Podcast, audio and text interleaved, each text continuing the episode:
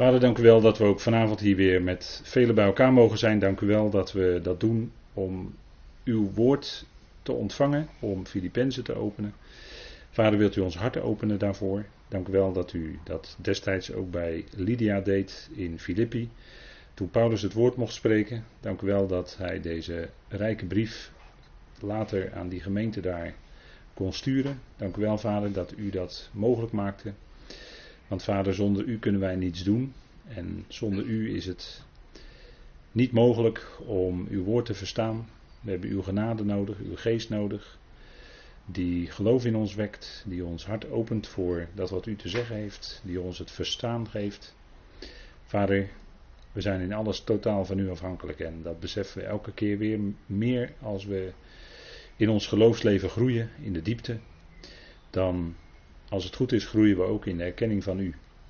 Vader, en dat is ook ons gebed, wat we met Paulus mogen meebidden, dat we mogen toenemen in de erkenning van uw wil, zodat we u waardig kunnen wandelen en u werkelijk in alles kunnen behagen en in alle goede werken vrucht kunnen dragen.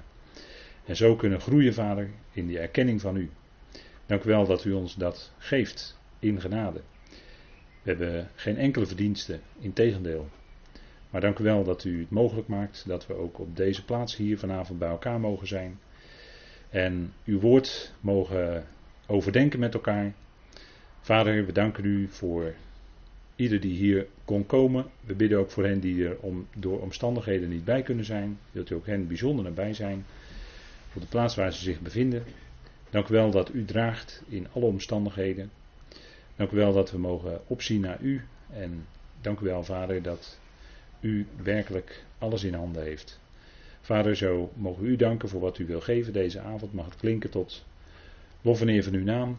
En mag het zijn tot opbouw van het lichaam van Christus. We danken u daarvoor. In die machtige naam van uw geliefde Zoon, onze Heer Christus Jezus. Amen. Goed, ik wil dan beginnen met u te lezen uit uh, Filippenzen 1. En dat doen wij vanaf vers uh, 21. Het stukje waar we in bezig zijn. Maar misschien is het toch goed om even te lezen van het verband vanaf vers 19. En dan lezen we door tot en met vers 26. Want dat is eigenlijk het, uh, het verbandgedeelte waarin we bezig zijn. En daar lees ik uit de Nederlandse concordante vertaling. Want ik weet dat dit voor mij zal uitlopen op redding door jullie beden en de bijstand van de geest van Jezus Christus. In overeenstemming met mijn voorgevoel en verwachting dat ik in niets beschaamd zal worden, maar dat in alle vrijmoedigheid zoals altijd ook nu Christus zal worden grootgemaakt in mijn lichaam. Het zij door leven, het zij door dood. Want voor mij is het leven Christus en het sterven winst. Indien het nu is leven in het vlees, dan betekent dit voor mij vrucht op het werk. En waaraan ik de voorkeur zal geven, maak ik niet bekend. Ik word echter uit de twee gedrongen, het verlangen hebbend om losgemaakt te worden en tezamen met Christus te zijn, want dat is verreweg het beste. Echter, in het vlees te verblijven is noodzakelijker om jullie. En daarvan overtuigd weet ik dat ik zal blijven en bij jullie allen zal blijven tot jullie vooruitgang en vreugde van het geloof. Opdat jullie roem mag overvloeien in Christus Jezus door mij, door mijn hernieuwde aanwezigheid bij jullie. Tot zover.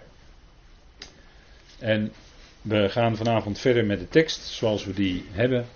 En daarin zien we dat Paulus uh, dit stukje uit de structuur, dat hebben we al een paar keer gezien met elkaar, maar dat heb ik op deze dia nog even overgenomen voor u. Paulus' onverschilligheid ten aanzien van het sterven. En het woord onverschilligheid staat dan tussen aanhalingstekens.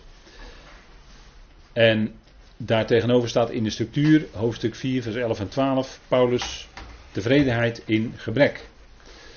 En die bordjes die staan niet benoemd, maar op deze dia, dat plaatje, welke kant gaat het op? En dat is voor ons ook in ons leven voortdurend de vraag, welke kant gaat het nu op in ons leven? Uh, wij vragen ons dan af, gaat het linksaf of rechtsaf, of gaat het vooruit of uh, anders? Dat is altijd de vraag. En dat was bij Paulus ook de vraag op dat moment, in de omstandigheden waarin hij zat. Hij zat in gevangenschap en er waren predikers die aan de ene kant uh, daar juist kracht uitputten en met goede bedoelingen de Christus predikten. Maar er waren er ook die uit, bij, met uh, andere bijbedoelingen de Christus predikte om de verdrukking voor Paulus zwaarder te maken. In die omstandigheden zat hij en hij verheugde zich niettemin, want hij wilde maar één ding en dat is dat Christus groot gemaakt werd. Oftewel, zoals ik op deze eerste dia van vanavond heb gezet, Christus centraal. En dat zou ook in ons leven zo zijn. In, dat was in Paulus' persoonlijk leven zo. Dat bad hij ook voor de gemeentes. Dat in de gemeentes Christus centraal zou staan. En daarmee ook zijn woord. En Christus centraal, dat geldt ook voor het hele woord van God. Want als God spreekt, dan spreekt hij over zijn zoon eigenlijk. Het gaat eigenlijk altijd in de schrift over Christus. Over de zoon die een bijzondere verbinding heeft met de vader.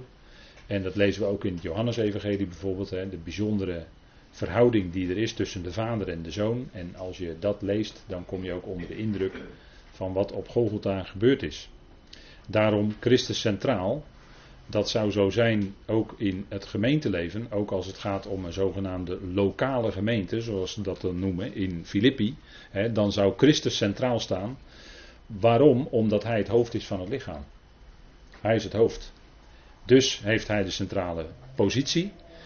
En dus komt alles wat wij aan voedsel ontvangen, hè, dan denk ik aan Efeze 4, alles wat wij aan voedsel ontvangen komt via het hoofd. Dat is in het dagelijks leven al zo. Als wij als mens eten, dan komt dat via ons hoofd naar binnen in ons lichaam. En als het niet goed is, dan liggen we aan een zonde of hebben we een zondevoeding. Maar dat is een bijzondere omstandigheid. Maar eh, normaal gesproken ontvangen wij het voedsel via ons hoofd en daardoor kan ons lichaam dan vervolgens in stand gehouden worden en ook groeien. Zo is het ook in het geestelijke bereik. Christus is het hoofd van het geestelijke lichaam, de gemeente, de uitgeroepen gemeente. En via hem ontvangen wij het voedsel. En hij is dan ook degene die de gemeente voorziet van organisatie, om het zo maar te zeggen. Organisatie, dat zouden wij niet als mensen doen. Maar Christus organiseert zelf het lichaam. Hoe doet hij dat? Hij doet dat door zelf het lichaam van organen te voorzien. En dan denkt u, waar heeft hij het nou over? Waar heeft hij het nou over?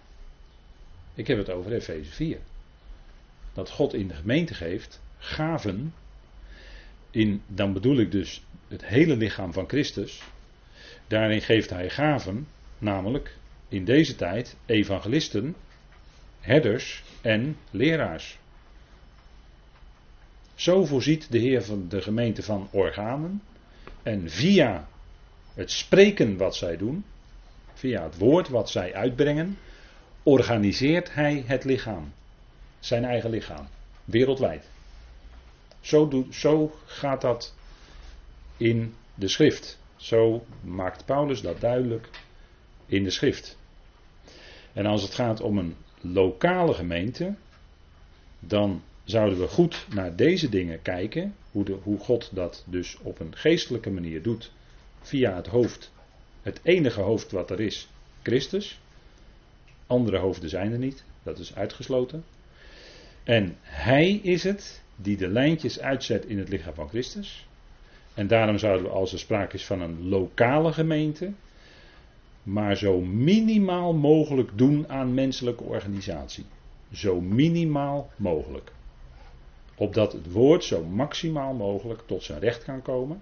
En lokale gemeente zo maximaal mogelijk het instrument kan zijn om het woord van God te bewaren. En hoe bewaar je het woord van God? Dat is door het uit te spreken, door het door te dragen, door het uit te geven, door het bekend te maken.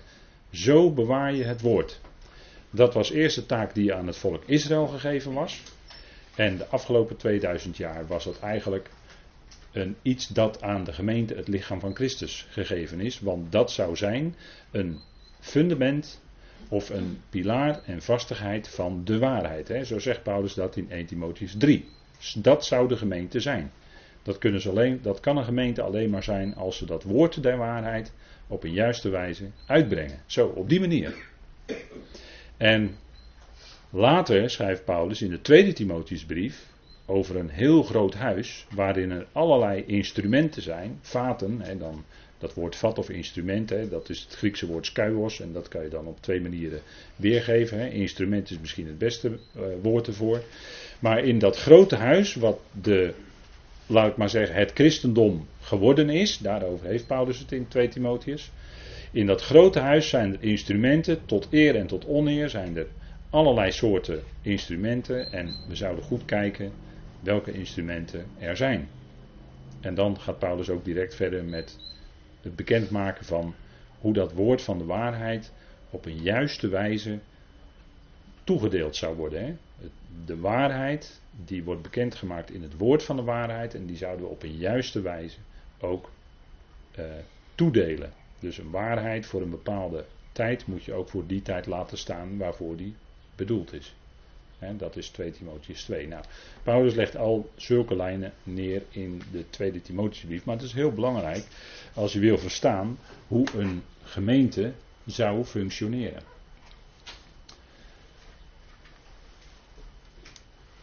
Dus welke kant gaat het op? In Paulus' persoonlijke leven, waar we hier over lezen in Filippenzen 1, welke kant gaat het op? Dan dat was voor Paulus eigenlijk onbestemd, hè, zo spreekt hij er ook over. Nou, daar gaan we vanavond dan ook wat dieper naar kijken. En wat was voor hem zijn uh, levensmotto, en dat is eigenlijk geweldig. Hè, het leven is mij Christus, hè, dat hebben we gelezen met elkaar. Vers 21. Want voor mij is het leven Christus. En dat was zijn levensmotto. Hè. Samengevat in één woord, draaide zijn leven om die Heer. Hij wilde die Heer dienen. Christus is het hoofd van het lichaam. Hij was aangesteld door die verheerlijkte Heer die hij had ontmoet op weg naar Damascus. Hij was zelf aangesteld als apostel. En zijn leven draaide om Christus. Zijn bediening ademde Christus. Hij sprak over die Heer als met een diepte zoals nog nooit eerder bekend was gemaakt. Als je een brieven leest, Efeze en Colossense, dan wordt daar gesproken over Christus op een manier die, die je in de rest van de schrift niet tegenkomt. Zo'n hoogte en zo'n diepte en zo'n liefde, dat wordt alleen door Paulus bekendgemaakt. Paulus was daarvoor het uitgekozen instrument van God. En hij zegt dan ook terecht: Het leven is mij Christus. En vorige keer hebben we ook iets gelezen uit de gelaten brief, die bekende woorden. Hè? Dat, dat nieuwe ik wat wij hebben, dat is eigenlijk Christus het is niet meer ik, want het oude ik is meegegaan met Christus aan het kruis. He, dat is mede gekruisigd met Christus. Galaten 2 vers 20. Tezamen met Christus ben ik gekruisigd. En dan komt het wonder en toch leef ik. Maar dat is niet meer ik. Dat is dus niet meer dat oude ik. Maar dat nieuwe ik in ons, dat is eigenlijk het leven van Christus. Christus is ons nieuwe leven. En voor zover wij nog leven, leven wij door het geloof van de Zoon van God, zegt hij dan. En dat geldt ook voor ons. God voor Paulus, maar het geldt ook voor ons. En dat is zoals wij ons leven zouden leven. En dan eh, zegt Paulus op grond daarvan, want voor mij is het leven Christus. Dus hij vat zijn hele leven. Waar draaide zijn leven helemaal om? Zijn leven draaide om Christus. Draaide om die verheerlijkte Heer. Die wilde hij dienen. En ook in gevangenschap stond hij toch nog in de dienst van Christus. En dat zegt hij dan hier ook in Filippenzen 1. En hij zegt dat ook bijvoorbeeld in Colossense. Eh, dat hebben we misschien de vorige keer heel even nog snel gelezen, maar dat kunnen we nog wel even een keer lezen. Dat is zijn uh, toekomst en hij geeft daarin uh, bijzondere aanwijzingen. Colossense 3, misschien is dat toch wel even fijn om met elkaar te lezen. Colossense 3, vanaf vers 1. Indien jullie dan gezamenlijk opgewekt werden met Christus, hè, want het is niet alleen met hem gekruisigd zijn, maar het is ook met hem gestorven, begraven. Maar geweldig, het is ook de derde dag geweest, hè? ook opgewekt werden met Christus, zoekt wat boven is. je hebt van die mensen die zoeken naar de waarheid en die zijn hun hele leven op zoek naar de waarheid. Maar wij zouden zoeken wat boven is. En dat is voor ons al ingevuld. Hij is de waarheid, Christus. Dus wij zoeken wat boven is, waar Hij is. Aan de rechterhand van God zittend. Vandaar dat Paulus hier niet de naam Jezus gebruikt, maar de titel Christus, omdat hij verheerlijkt is aan Gods rechterhand. Daarom gebruikt hij Christus, de gezalfde. En hij bleek de gezalfde te zijn, juist in de opstanding uit de dood. En vandaar dat Paulus vaak spreekt over Christus Jezus. Hè. Er staat de titel Christus voorop en de naam Jezus als tweede. Dat is natuurlijk heel bewust. Wees bedacht op wat boven is, niet op wat op de aarde is. En heel veel gelovigen zijn nog vaak bedacht op wat op de aarde is. Die zijn bezig met aardse dingen, aardse principes, of wereldse principes, kan ik ook zeggen. Dat ontlokt aan mij wel eens de uitspraak. Nou, wat daar en daar gebeurt binnen die groep gelovigen is precies de wereld. Het is net de wereld. Of wat ik hoor onder gelovigen. Het is precies de wereld. Dan zijn ze dus bezig met aardse principes. Met de dingen die op de aarde zijn in feite. Maar Paulus wijst ons de weg en hij zegt: wees bedacht op wat boven is, niet op wat op de aarde is. Daarop bedacht zijn. Je loopt wel met je beentjes en je voetjes op de aarde, dat wel. We zijn hier nog gewoon op aarde, zeker. Maar ons innerlijk, ons denken zou gericht zijn, hè, ons innerlijk, ons hart, want het verstand en het denken wordt gekoppeld aan het hart in de schrift ons innerlijk zou gericht zijn naar boven. Terwijl we hier met onze voetjes op de aarde lopen en terwijl onze handjes gewoon druk bezig zijn elke dag. Toch gericht zijn van binnen op wat boven is. Dat kan, hè? Dat zou onze levensrichting zijn. Want jullie stierven en jullie leven is verborgen met de Christus in God ons leven, dat is niet zo direct aan de buitenkant te zien. Nee, het is verborgen met Christus in God. Ons leven is verborgen. Dat is een verborgen leven. Maar het is wel leven. Het is er wel. er is wel die innerlijke beleving, want daar gaat het om. Hoe beleven wij de dingen die wij in ons dagelijks leven meemaken? Hoe leven wij ons leven? Met andere woorden, hoe beleven wij ons leven van binnen? Want daar zit ons werkelijk geestelijk leven. Dat kun je niet zo direct aan de buitenkant zien. En het gaat er ook niet om dat een christen altijd met een big smile rond moet lopen. Het kan best zijn dat het lijden van het gezicht af te scheppen is. Dat kan. Dat kan. En dan is het toch van binnen het verborgen leven met vreugde in het hart. Met die gerichtheid op, op wat boven is, met die gerichtheid op Christus. En in dat lijden kan er dan toch vreugde zijn. Dat ervoer Paulus ook. Hè? Hij zegt dat ook in Colossense 1. Thans, thans verheug ik mij in mijn verdrukkingen, zegt hij dan. Colossense 1, vers 24. Die tekst kent u wel. Colossense 1, vers 24. Nu verheug ik mij in mijn lijden ter wille van jullie. hey, dus je kan lijden. En toch tegelijkertijd je verheugen. Dat kan. Dat zegt Paulus hier. Hè? En dat is wat. Hè? Dat is wat. En dan zegt u, ja, dat is bovenmenselijk. Nou ja, dat is ook eigenlijk wel zo. Dat is ook bovenmenselijk. Want dat is iets wat je door God gegeven wordt in dat nieuwe leven in je. En dat nieuwe leven kun je ook Christus noemen. De geest van Christus. Maar Paulus zegt ook dat dat Christus is in Romeinen 8.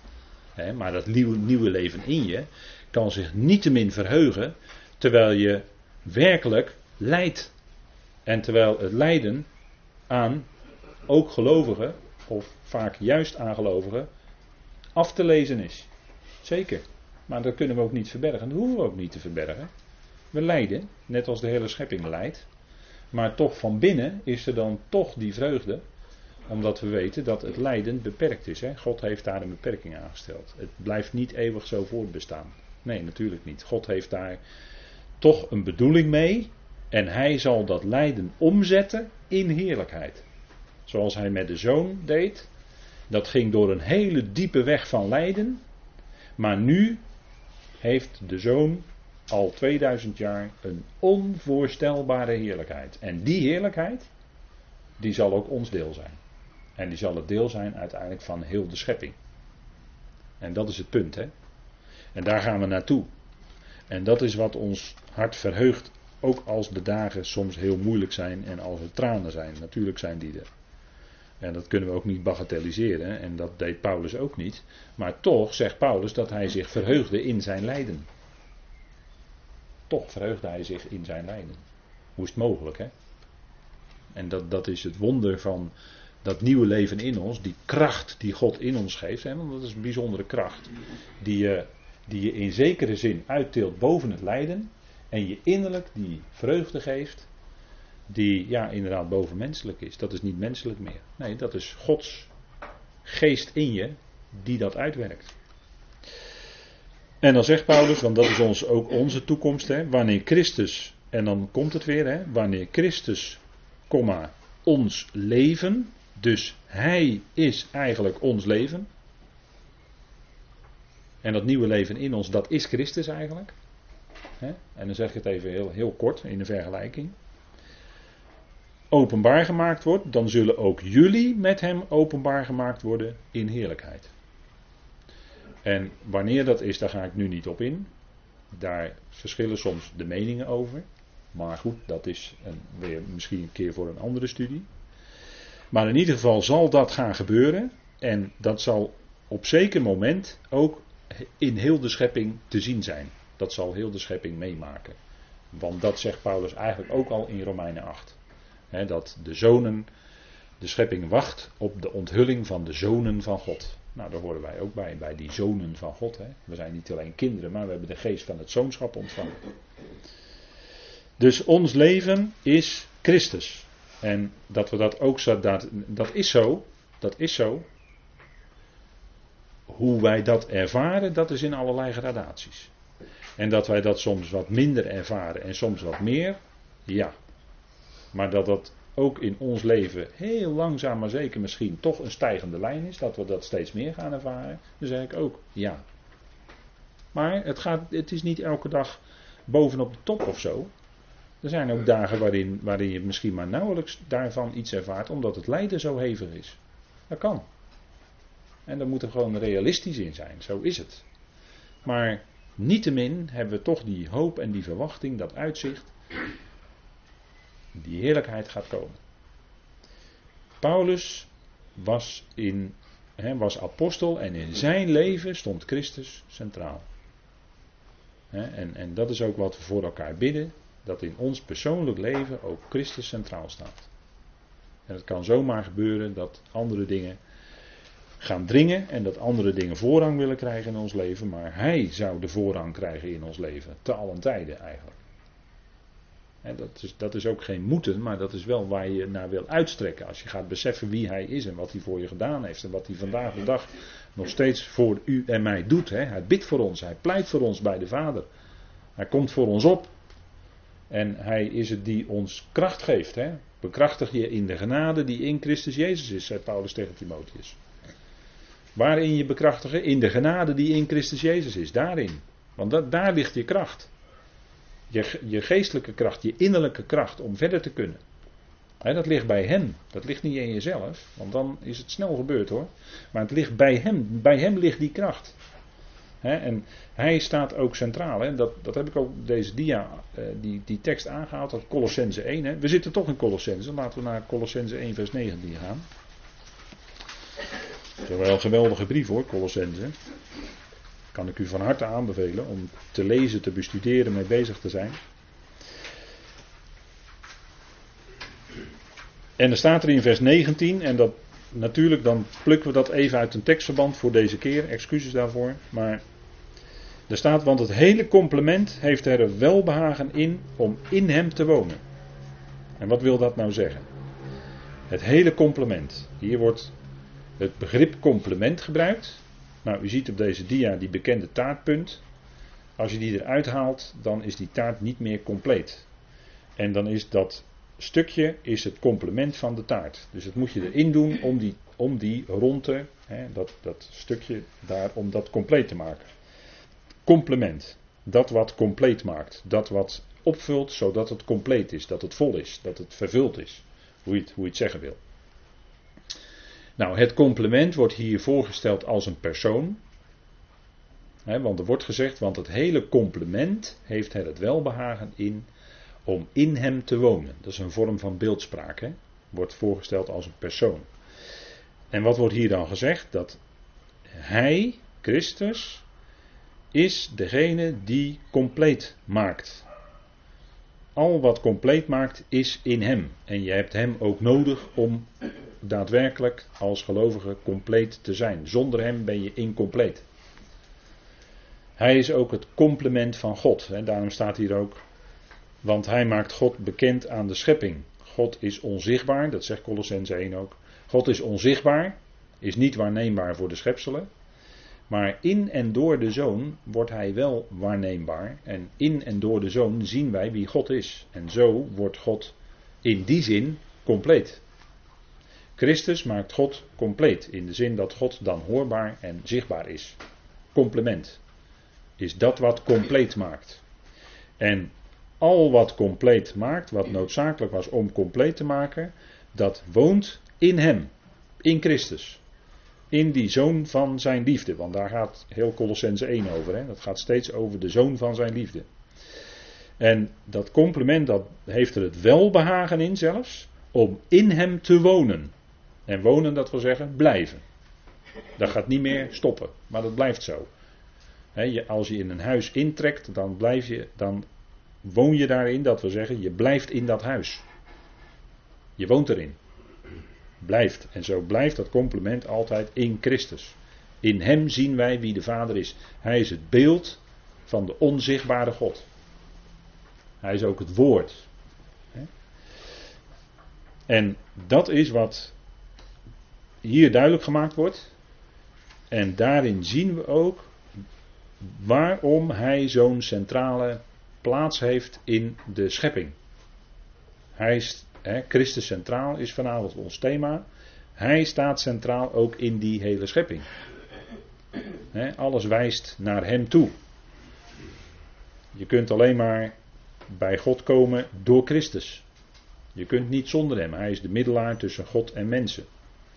En Hij maakt compleet, hè? dat is fantastisch. Nou, Paulus zegt, en dan gaan we verder in Filippenzen 1, vers 21. Het leven is mij Christus. En we hebben nu een aantal minuten met elkaar nagedacht over die centrale plaats die Christus heeft. Hè? En dan zegt hij: Het sterven winst. Het sterven winst. want het leven van de apostel Paulus draaide om Christus en alles wat hij meemaakte, dat was in dienst van zijn Heer. En hij ging door allerlei moeite heen. En het sterven, zegt Paulus, dat is heel wonderlijk. Hè? Het leven is mij Christus en het sterven winst. En eh, dan moet je ook denken aan die woorden uit 2 Korinthe 4, hè? waarin Paulus zegt dat hij het doden van Jezus in zijn lichaam omdraagt. Dus dat sterven was altijd uh, nabij. Hè? Laten we het maar even opzoeken met elkaar. 2 Korinthe 4. Dan lezen we over de persoonlijke ervaring van de apostel. ons, uh, ons motto is ook uh, 2 Korinthe 5, vers 15. Daar staan die bekende woorden. Hij is voor allen gestorven. dat voor, dat wil niet zeggen in plaats van. Voor wil niet zeggen plaatsvervangend. Maar voor wil zeggen ten behoeve van. Hij stierf voor allen. En al zouden alle gestorven zijn, zou dat nog onvoldoende geweest zijn. Er was maar één voldoende die moest sterven, dat was hij. Hij is voor allen gestorven, opdat zij die leven, dat zijn u en ik, hè, wij zijn gelovigen, niet meer voor zichzelf zouden leven, maar voor hem die voor hen gestorven en opgewekt is. Dat is de richting, hè? Als wij tot bewustzijn zijn gekomen, als wij gelovigen zijn geworden, dan zijn wij opgewekt met Hem. En dat heeft maar één bedoeling, dat wij niet meer voor onszelf zouden leven, maar voor Hem. En het grote voorbeeld is daarin natuurlijk Paulus zelf. Hè? Hij zegt ook, volg mijn voorbeeld na. Zoals hij leefde voor Christus. Hè? En zijn hele leven draaide om Christus voor, voor een heleboel mensen draait hun leven om een sport, of draait hun leven om een voetbalclub, of draait hun leven om, noem maar op. Maar ons leven zou draaien om Christus. En dat was bij Paulus ook het geval. En dan gaan we nu naar 2 Korinthe 4. En dan zegt Paulus vanaf vers 7. Maar wij hebben deze schat in aarden kruiken. En deze schat, dat kun je misschien ook wel samenvatten met Christus die aarde kruiken, dat zijn dan onze broze, breekbare lichamen, die stervend zijn. Maar we hebben in die lichamen hebben wij een schat. En dan zou je ook kunnen zeggen dat is het evangelie. Dat is het evangelie van de heerlijkheid van Christus. Want dat zegt hij in, deze, in dit hoofdstuk hè, met zoveel woorden. Opdat de alles overtreffende, daar hebben we hem, hè, opdat de alles overtreffende kracht van God zou zijn. Dynamisch, hè? dynamiet. Zo'n kracht is in ons. Hè? Daar gaat het om. Hè? Opdat die kracht in ons werkt. Die kracht van het evangelie. Zijn kracht in ons werkt. Van God zou zijn en niet uit ons. Dat, dat is wat we ook beleiden. Dat die kracht die wij hebben om die dienst te kunnen vervullen die wij dan in ons leven doen, elke dag, dat die kracht van God is. En als je dat als gelovige beleidt, dan roem je ook God. Dan roem je ook de Vader daarin. Dan roem je Christus. Die kracht is van God. En die kracht werkt in ons, zijn geest. dat is die onwaarneembare kracht. Maar we zien wel de uitwerking in ons leven ervan. Want je zegt achteraf, als je terugkrijgt, terugkijkt misschien wel, hoe is het mogelijk? Hoe is het mogelijk dat het allemaal zo gegaan is? En dat God mij toch vastgehouden heeft. En dat ik niettemin vandaag de dag nog steeds zo'n gelovige ben. Hoe is het mogelijk? Nou, dat is ook niet uw eigen kracht, dat is zijn kracht. Dat is zijn kracht? Dat heb je niet van jezelf. Maar dat heb je van hem. Nou, Paulus, dan komen de ervaringen. Hè? Wij worden in alles verdrukt, maar niet in het nauw gebracht. In twijfel, maar niet vertwijfeld. Vervolgd, maar niet verlaten. Neergeworpen, maar niet te gronden gericht. Wij dragen altijd het sterven van de Heer Jezus in het lichaam mee, opdat ook het leven van Jezus in ons lichaam openbaar wordt. Ziet u, het gaat om leven wat wij in ons hebben.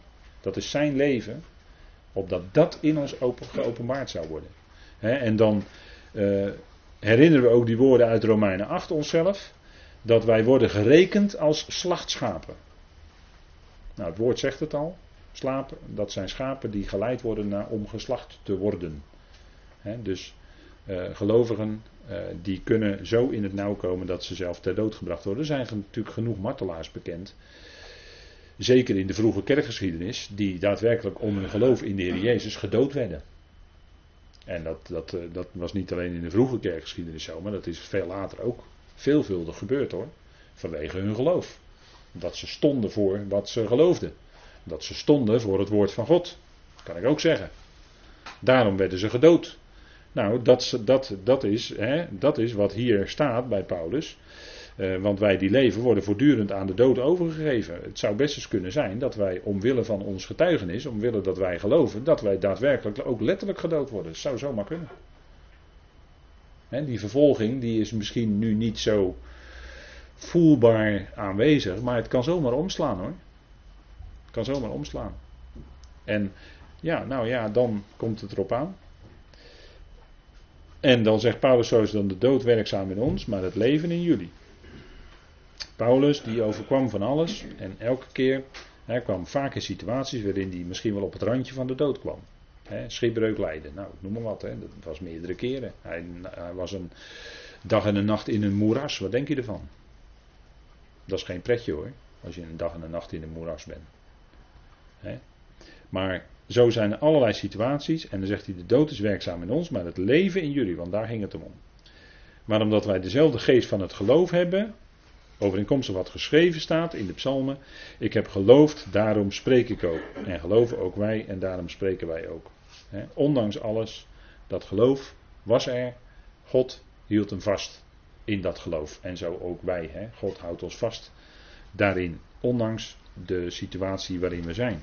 Nou, dat is. Daarom zegt Paulus hier: kijk, het sterven is winst. En dan heb ik erbij gezet: winst voor wie eigenlijk? Nou, als hij zegt: het leven is mij Christus. En het sterven winst, dan zou zijn letterlijke sterven ook zelfs winst zijn voor Christus. Want hij zou dan een dood sterven die volledig tot eer van de Heer is. Hij zou die martelaarsdood sterven. Dat had zomaar gekund.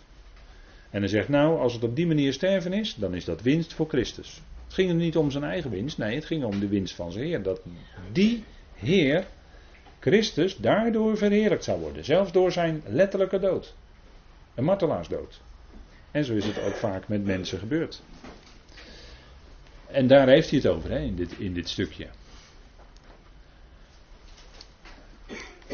En Paulus die zit dan tussen die situaties. Hè? Hij zegt dan in vers 22, indien het nu is, Filippenzen 1 vers 22, indien het nu is leven in het vlees, dan betekent dit voor mij vrucht op het werk. Dus zou Paulus voort blijven leven in het vlees. En hij leefde niet naar het vlees, nee. Hij zegt als ik voort zou blijven leven in het vlees, dan betekent dit voor mij vrucht op het werk. Want hij zag dat zijn bediening door Gods genade vrucht droeg. die vrucht die er was, dat was ook genade van God. Dat kon Paulus natuurlijk ook niet zelf bewerken. Want hij zei toch in Korinthe dat hij degene was die mocht planten en dat Apollos mocht begieten. Maar God geeft de groei, hè? God geeft de groei, dus God geeft ook de vrucht. En dan is het de vrucht van wat door de geest gewerkt is, hè? Niet wat door Paulus' inspanningen of door wat dan ook gewerkt is. Nee, wat door de geest gewerkt is. Dat is die vrucht. En we hebben al gelezen in, in Filippenzen 1 over de vrucht van de gerechtigheid, de vrucht van de geest. Vrucht op het werk. En dat zal blijken bij de Bema. Wat is nou die vrucht op het werk, hè, als je dat nou invult? Ik heb voor u een aantal dingen hier opgeschreven. Op deze dia. Vrucht op het werk is. En het, wat is het werk wat Christus nu doet in deze tijd? Hè, want daar gaat het om. We zouden dan betrokken zijn bij zijn werk. Roeping en redding van de gemeente. Dus dat door de prediking mensen worden geroepen tot het lichaam van Christus. En dat ze zich ook bewust worden van, het, van lid van het lichaam van Christus te zijn, daadwerkelijk. roeping en redding van de gemeente. Redding ook nu. Niet alleen straks bij de bazuin, maar ook nu. Gered worden, bewaard worden in dat woord, in dat evangelie wat Paulus brengt zodat die gemeente niet heen en weer geslingerd wordt door allerlei wind van leer. Maar de redding is dan dat je bewaard wordt in die vastheid van het onderricht wat apostel Paulus geeft. zo op die manier ook gered worden. Hun opbouw, natuurlijk, daar ging het om. Het gaat om de opbouw van de gemeente. Als je nou afvraagt, wat is nou nuttig hè? Ja, alle dingen zijn mij geoorloofd. Maar niet alles is nuttig. Niet alles is nuttig hè. Niet alles is tot opbouw. Maar wat is nou wel tot opbouw? wat is nou wel nuttig? Nuttig is datgene wat is tot opbouw van de gemeente. En dan kun je je afvragen, wat ik nou doe, is dat nou tot opbouw van het lichaam van Christus? Is dat nou tot opbouw van de gemeente? Als je nou wil weten wat, wat nou nuttig is in je leven. Nou, dat je meewerkt tot opbouw van de gemeente. En dan, kun je, dan kunnen we voor elkaar bidden. De gebeden die ook onder andere de gebeden die we bij Paulus tegenkomen, kunnen we ook voor elkaar bidden. En, en meehelpen tot opbouwen. de ander waar, waar we kunnen, de ander ondersteunen, op welke manier dan ook, die medegelovigen. Opbouwend bezig zijn. Woorden spreken in onderlinge gesprekken, die zijn tot opbouw. Woorden die de ander genade geven. Niet, dus niet en ja, ik zeg het maar omdat Paulus dat ook zegt, niet insinuerende woorden, maar woorden die zijn tot opbouw van die ander. en, en zo onze gesprekken doen zijn tot opbouw. dat, is, dat is vooral met je woorden, dat is ontzettend belangrijk. Wat zeg je tegen elkaar?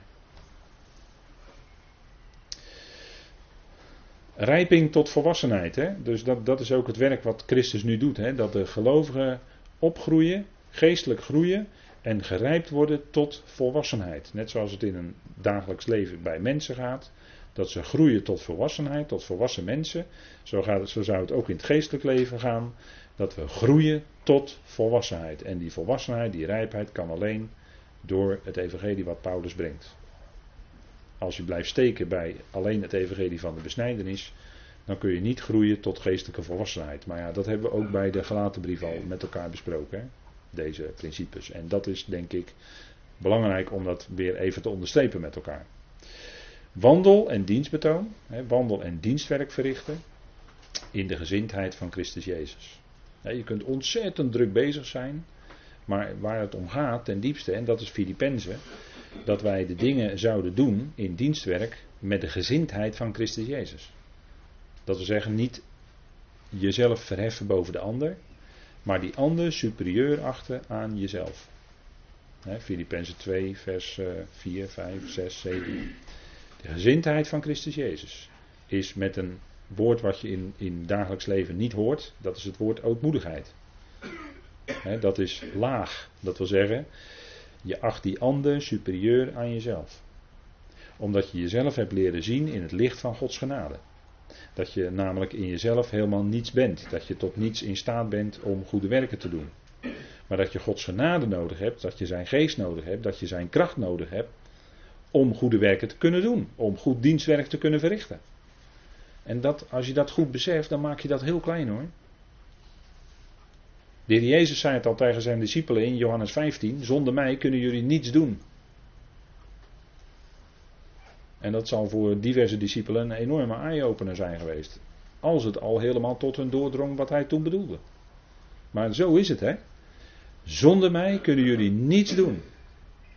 En als je dat, dat gaat beseffen, als dat tot je doordringt in je hart, dan word je een ootmoedig mens hoor, van binnen. Dan ga je je niet meer boven die ander verheven voelen. En kijk, dat is die gezindheid van Christus Jezus. En misschien is die Filippense brief daarom wel zo'n moeilijke brief. Die misschien ook niet zo vaak besproken wordt in Bijbelstudies. omdat het daar gaat om echt die gezindheid van Christus. En die gezindheid, die zouden wij navolgen. Daar gaat Filippenzen over. Het gaat om dienstwerk, zeker. Het gaat om wandel, zeker. Maar wat van binnen dan zit, zou zitten, is die gezindheid van Christus Jezus. Hij hoog en wij laag. Daar gaat het om. Nou, ik denk dat dat een, een punt is. Hè? En dat is het werk wat Christus nu doet in deze tijd. Opbouw van de gemeente. Groei van de gemeente. Groei tot rijpheid, tot volwassenheid. Ja, dat gaat heel diep. En Paulus die zat, hij spreekt over tegenstellingen, hij spreekt over leven, hij spreekt over sterven. Um, hij zegt als ik blijf leven in het vlees, dan is het voor mij werken met vrucht. Als ik echt daadwerkelijk zou sterven, zou dat winst zijn voor Christus. Daar strekt hij zich naar uit. Maar hij laat zich niet uit over wat hij de voorkeur heeft. Dat zegt hij in vers 22 eh, en 23. Waaraan ik de voorkeur zal geven, maak ik niet bekend. Dus hij zocht naar voortdurend die leiding van de Heer. Welke kant gaat het op? Wat is het beste? Wat, wat is het beste om te doen? Niet overhaast handelen, niet overhaast beslissen. Zoeken, bidden, afwachten. Welke kant wil de Heer op? Wat zijn de omstandigheden? Hoe gaat het? En dan zie je dat hij schrijft: Ik word echter. Hij zit met die twee, leven en sterven. En dan zegt hij: Ik word echter, en dat komt in de vertalingen maar heel minimaal tot uitdrukking. Eigenlijk niet echt. Maar er staat eigenlijk: Ik word echter uit deze twee gedrongen. We hebben dan deze vertaald. Er staat letterlijk het lidwoord, het bepalende lidwoord in het Grieks. Dus je mag ook vertalen: Ik word echter uit de twee gedrongen. Maar kijken naar de context zeggen we: Ik word uit deze twee gedrongen. Twee mogelijkheden: leven en sterven. He? Er staat in het Grieks dan uit de twee, dus ek duo staat er dan. Ik word echter uit de twee gedrongen. En dan kom je automatisch bij een derde mogelijkheid. Dus hij werd als het ware. Uit die twee werd hij gedrongen naar een derde mogelijkheid. Daar gaat het hier om. Hè? En dat is wat, uh, wat we in het, in het volgende vers lezen dan met elkaar. Het verlangen hebbend om losgemaakt te worden en tezamen met Christus te zijn, want dat is verreweg het beste. En deze tekst wordt heel vaak gebruikt door mensen. En dat, daar geven de vertalingen ook wel een beetje aanleiding toe. Deze tekst wordt vaak gebruikt door mensen om te zeggen dat je direct doorsterven naar de Heer gaat. Terwijl we uit de schrift weten dat dood niet een andere vorm van bewustzijn is. Dus dood is geen andere vorm van leven, want dat heeft de tegenstander in Genesis 3 al gejokt. Hè? Dat jokte die daar al. En velen gaan mee in dat jokken. En dan lijkt deze tekst dat te zeggen. Maar als we daar even op inzoomen met elkaar, zegt deze tekst dat ook. Het verlangen hebbend, dat is dus die, als het ware, die, waarvoor, waar die uit die twee toe gedrongen werd, die derde mogelijkheid. Dan zegt hij het verlangen hebbend om losgemaakt te worden. Wat betekent nou dat losgemaakt worden? Is dat nou, zeggen wij misschien wel eens heel platweg, tot ontbinding overgaan? Dus moeten we dan denken aan het sterven? Nee, dat staat er ook niet. Er staat losgemaakt worden. En er staat een bijzonder woord, heb ik ook op deze dia even overgenomen uit het Grieks. Analuo staat er. Een vorm daarvan.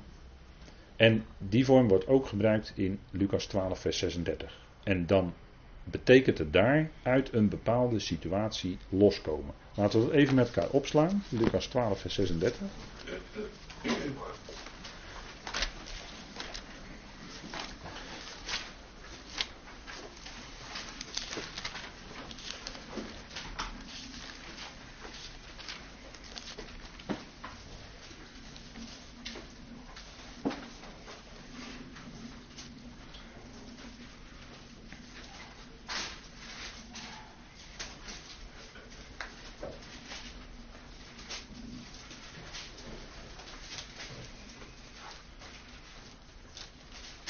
Ja, en in de vertaling is dat eigenlijk niet meer uh, nauwelijks terug te vinden in Lucas 12, vers 36.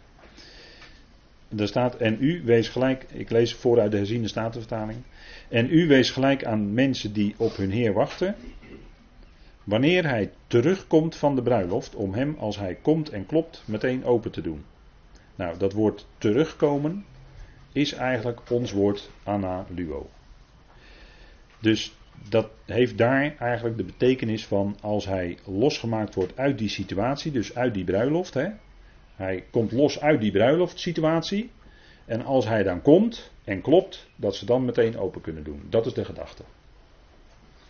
Ja, ik hoop dat dat voor u duidelijk is. Dit is niet een tekst die je niet elke dag leest, denk ik. En dat losmaken uit die situatie, dat wordt in Filippenzen 1 ook gebruikt. Datzelfde woord. Dus dat losgemaakt worden wil hier, als je de context bekijkt, eigenlijk zeggen losgemaakt uit die omstandigheden waar hij, waarin hij op dat moment is. En is dan dat losgemaakt worden daadwerkelijk zijn sterven? Dan zegt hij, dat zegt hij niet hoor. Hij zegt, en tezamen met Christus te zijn. En wat weten wij uit de brieven wanneer wij echt werkelijk tezamen met Christus zijn? En losgemaakt zijn uit deze aardse situatie, dat is maar één mogelijkheid, dat is als de bazuin klinkt. En dat heb ik hier ook opgezet, hè, op deze dia, tezamen met Christus te zijn. Dat is als 1 Thessalonicense 4 gaat gebeuren, die belofte gaat dan vervuld worden, dat de bazuin klinkt en wij veranderd worden en wij losgemaakt worden uit onze aardse situatie en in grote snelheid van deze aarde weggenomen worden en de Heer, bij de Heer zijn in de lucht. Die geweldige ontmoeting boven. En dan zijn we losgemaakt uit de omstandigheden waarin we zijn. En, er zijn, en dan is het eigenlijk precies andersom, want er zijn degenen die in Christus gestorven zijn, zijn losgemaakt uit die stervend, daadwerkelijk letterlijke doodsituatie, zijn daaruit losgemaakt en zijn ineens bij de Heer. En dat is eigenlijk de derde mogelijkheid die Paulus hier aangeeft.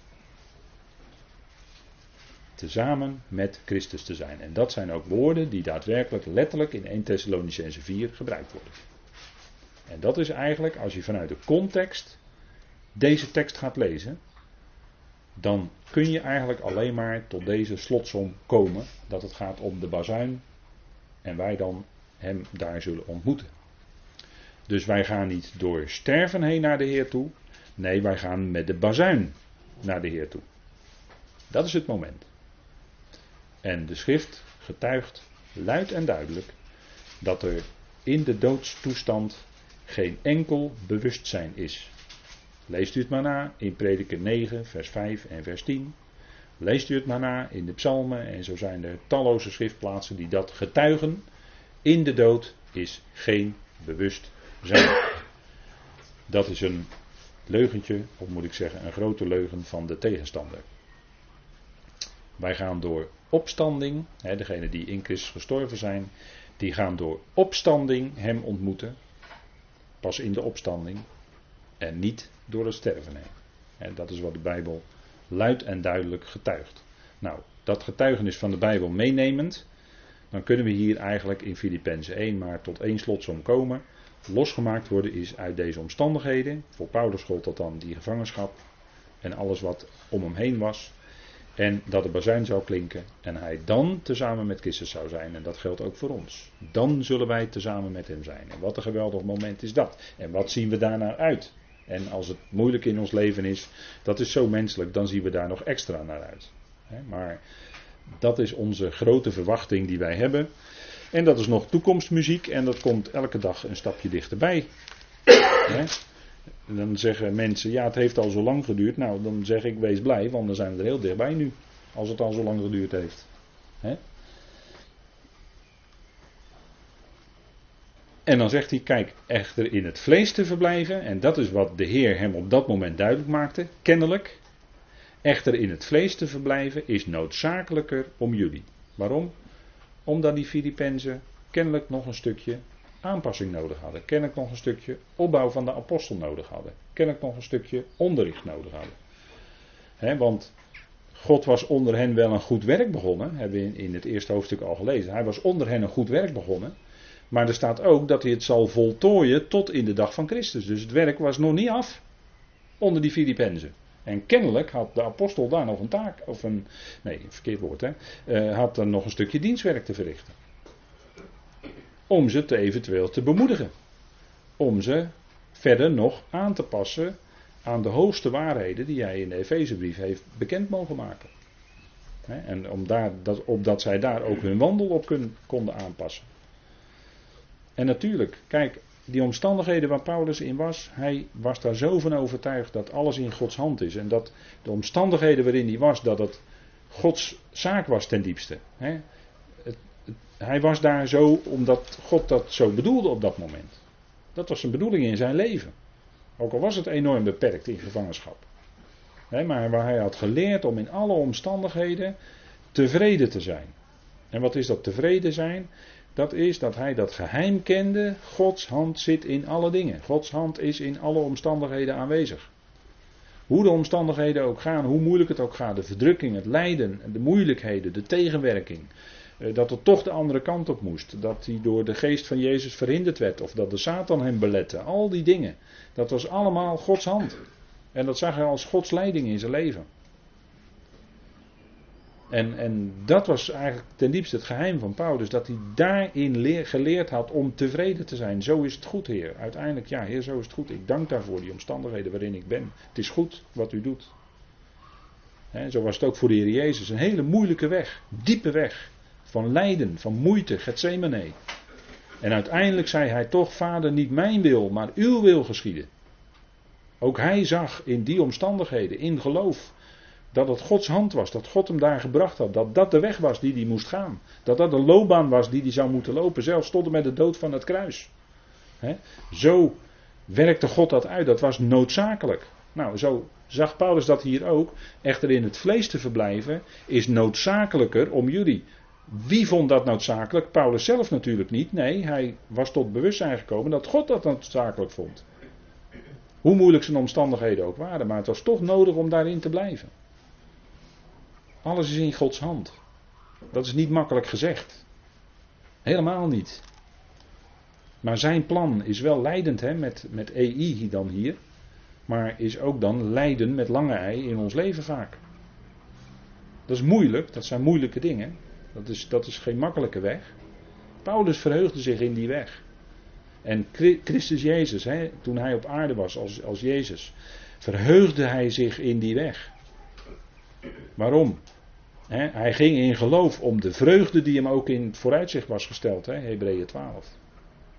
Daarom kon hij die loopbaan lopen. Daarom heeft hij de tegenspraak. En er was ongelooflijk veel tegenspraak van zondaren op zijn weg hoor. Dat was niet misselijk. Maar dat was hoon, dat was spot, dat waren woorden die als speerwerpen op hem geworpen werden. Maar die tegenspraak die heeft hij, hij heeft de schande niet geacht, want hij keek vooruit in geloof dat God hem zou verlossen, zelfs uit zo'n moeilijke weg waardoor hij heen moest gaan. Maar God zou hem uit die dood verlossen en hij deed het ook. En dat stond natuurlijk al in de psalmen. Psalm 22, hè. U hebt mij geantwoord. Dat beleed de Heer in zijn opstanding aan vader. Vader, u heeft mij geantwoord. Ik ben nu opgewekt uit de dood. Geweldig, dank u wel. Psalm 22, hè, dat zijn natuurlijk woorden van de Heer Jezus zelf. Dat gaat heel diep. Nou, en dat, dat is onze bemoediging. Hè, dat wij door zulke dingen, dat wij door de troost van de schriften, die verwachting zouden hebben. De God van de volharding en de vertroosting, die gaat met ons mee in alle omstandigheden. Die God. Nou, daar kun je op steunen, daar kun je op leunen. Dat is zijn kracht. en daarom hebben we die bemoediging van de schriften steeds weer nodig. Hoe kun je elkaar bemoedigen? Met het woord. Met goede woorden die zijn tot opbouw. En alleen zijn eigen woord, het woord van de Vader zelf, dat is werkelijke troost voor ons, voor ons hart, voor ons leven.